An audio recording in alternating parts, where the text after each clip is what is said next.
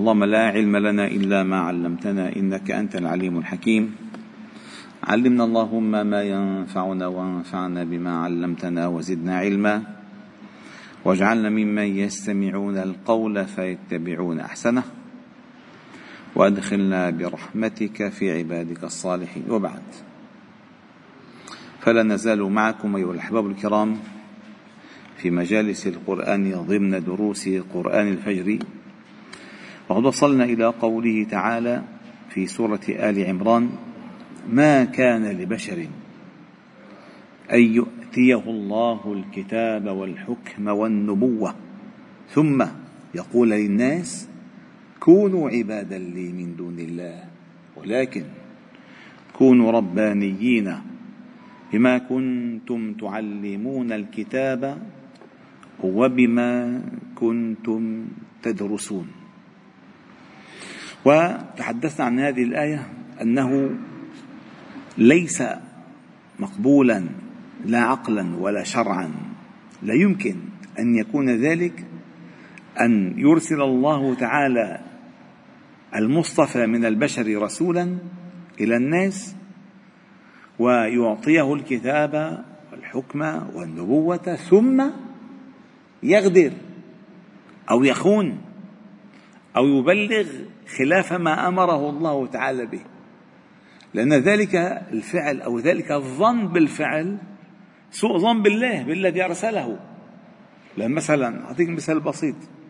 واحد أرسل فلان إلى فلان فعمل خطأ فبيقول الإنسان ما لقى إلا هذا يبعثه؟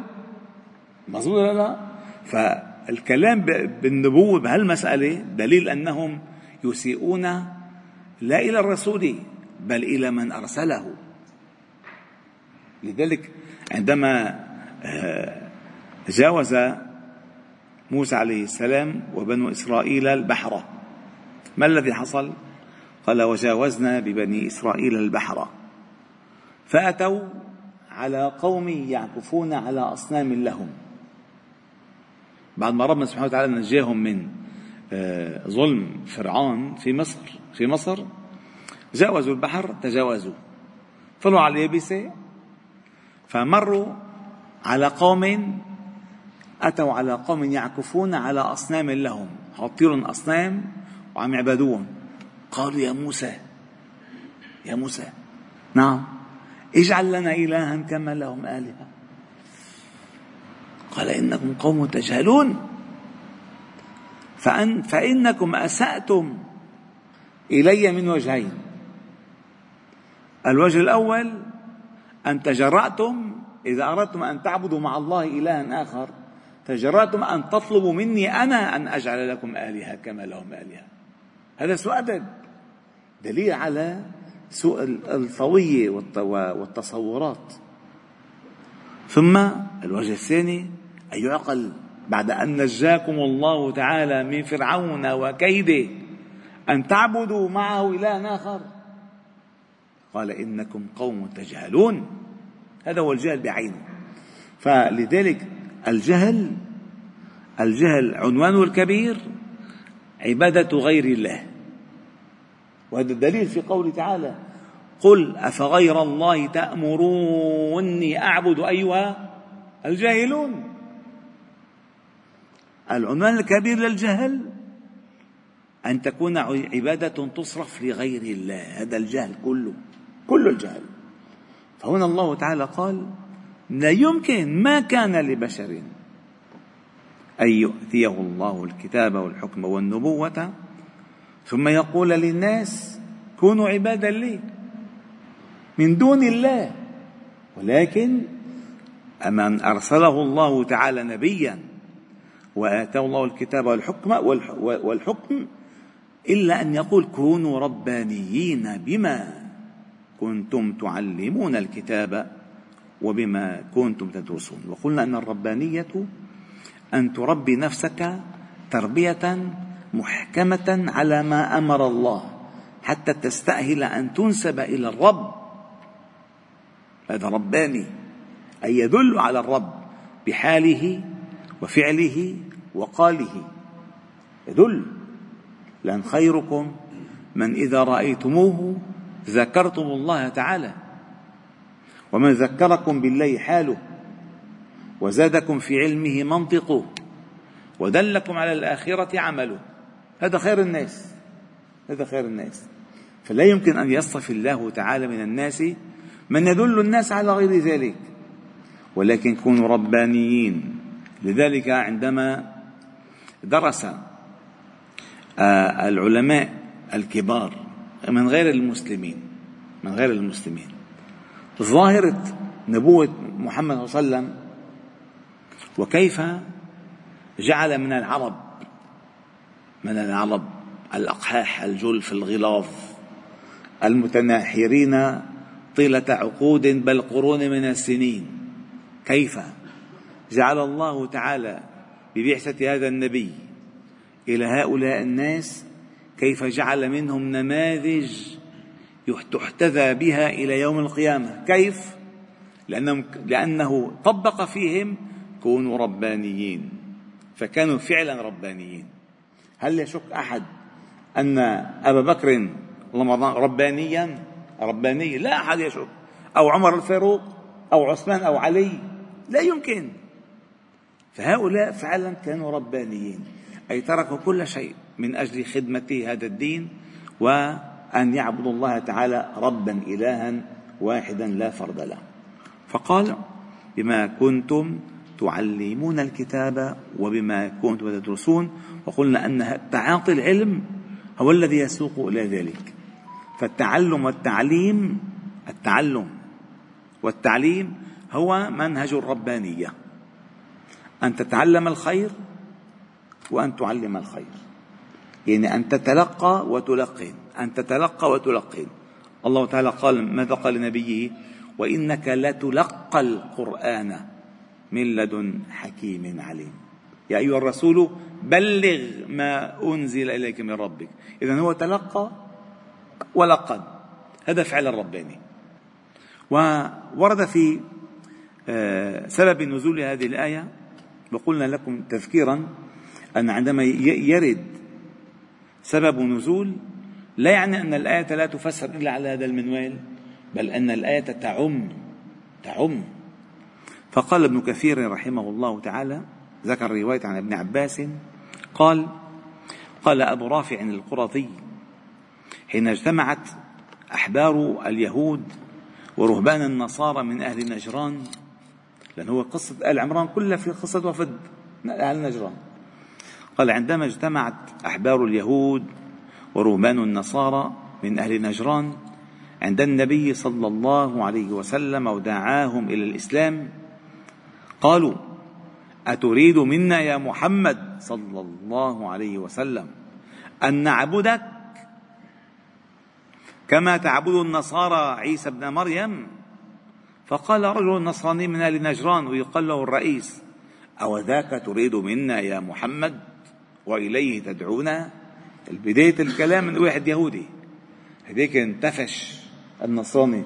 أنت جاي بدك نعبدك الله أكبر. قالوا يا محمد أتريد منا أن نعبدك كما تعبد النصارى عيسى ابن مريم؟ قال رجل من النصارى؟ يقال له الرئيس. أو ذاك تريد منا يا محمد؟ وإليه تدعونا؟ فقال النبي صلى الله عليه وسلم معاذ الله أن نعبد غير الله أو أن نأمر بعبادة غير الله. ما بذلك؟ أمرني ربي ولا بذلك بعثني.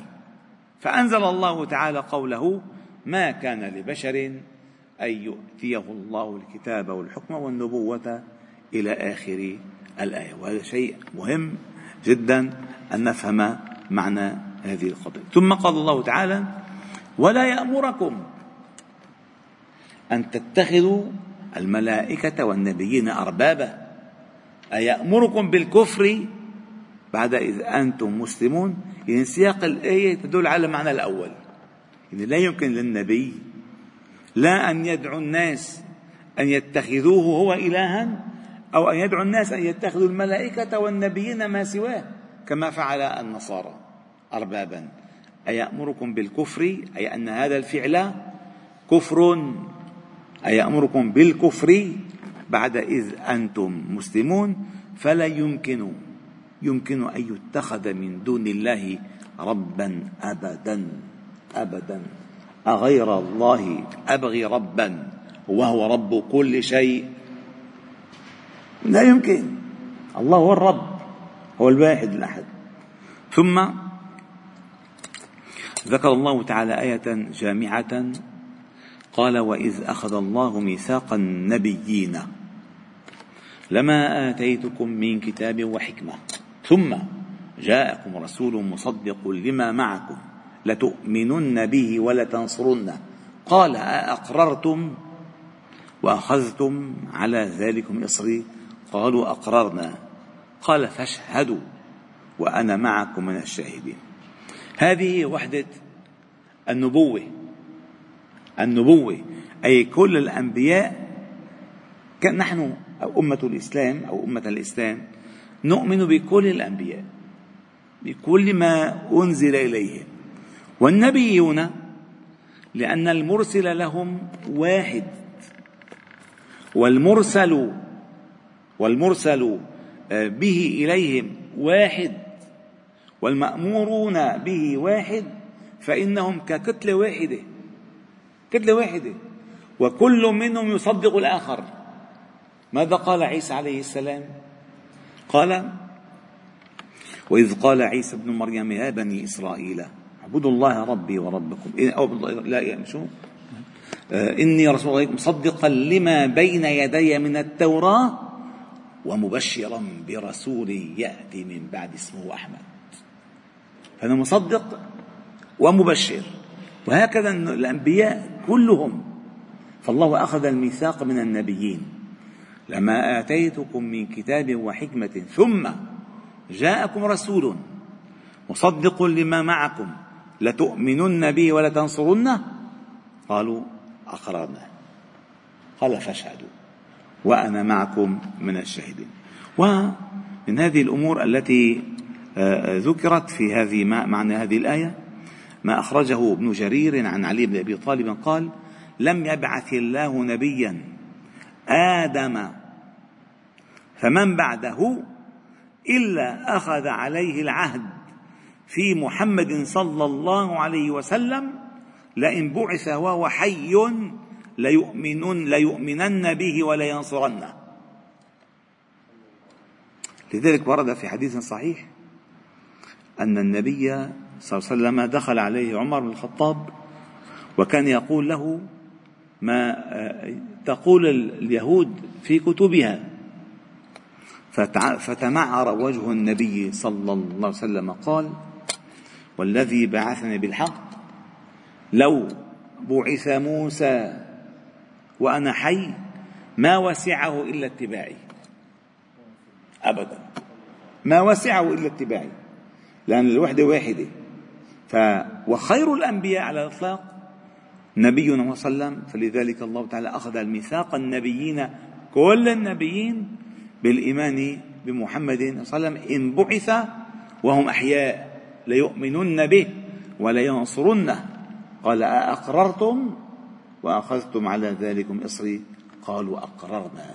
قال فاشهدوا. على ذلك وأنا معكم من الشاهدين وكذلك تقال هذه الآية في معرض إسراء النبي صلى الله عليه وسلم إلى إلى بيت المقدس عندما جمع الله تعالى له الأنبياء جميعا وأراهم النبي صلى الله عليه وسلم وصلوا خلفه وهو الإمام والحمد لله رب العالمين.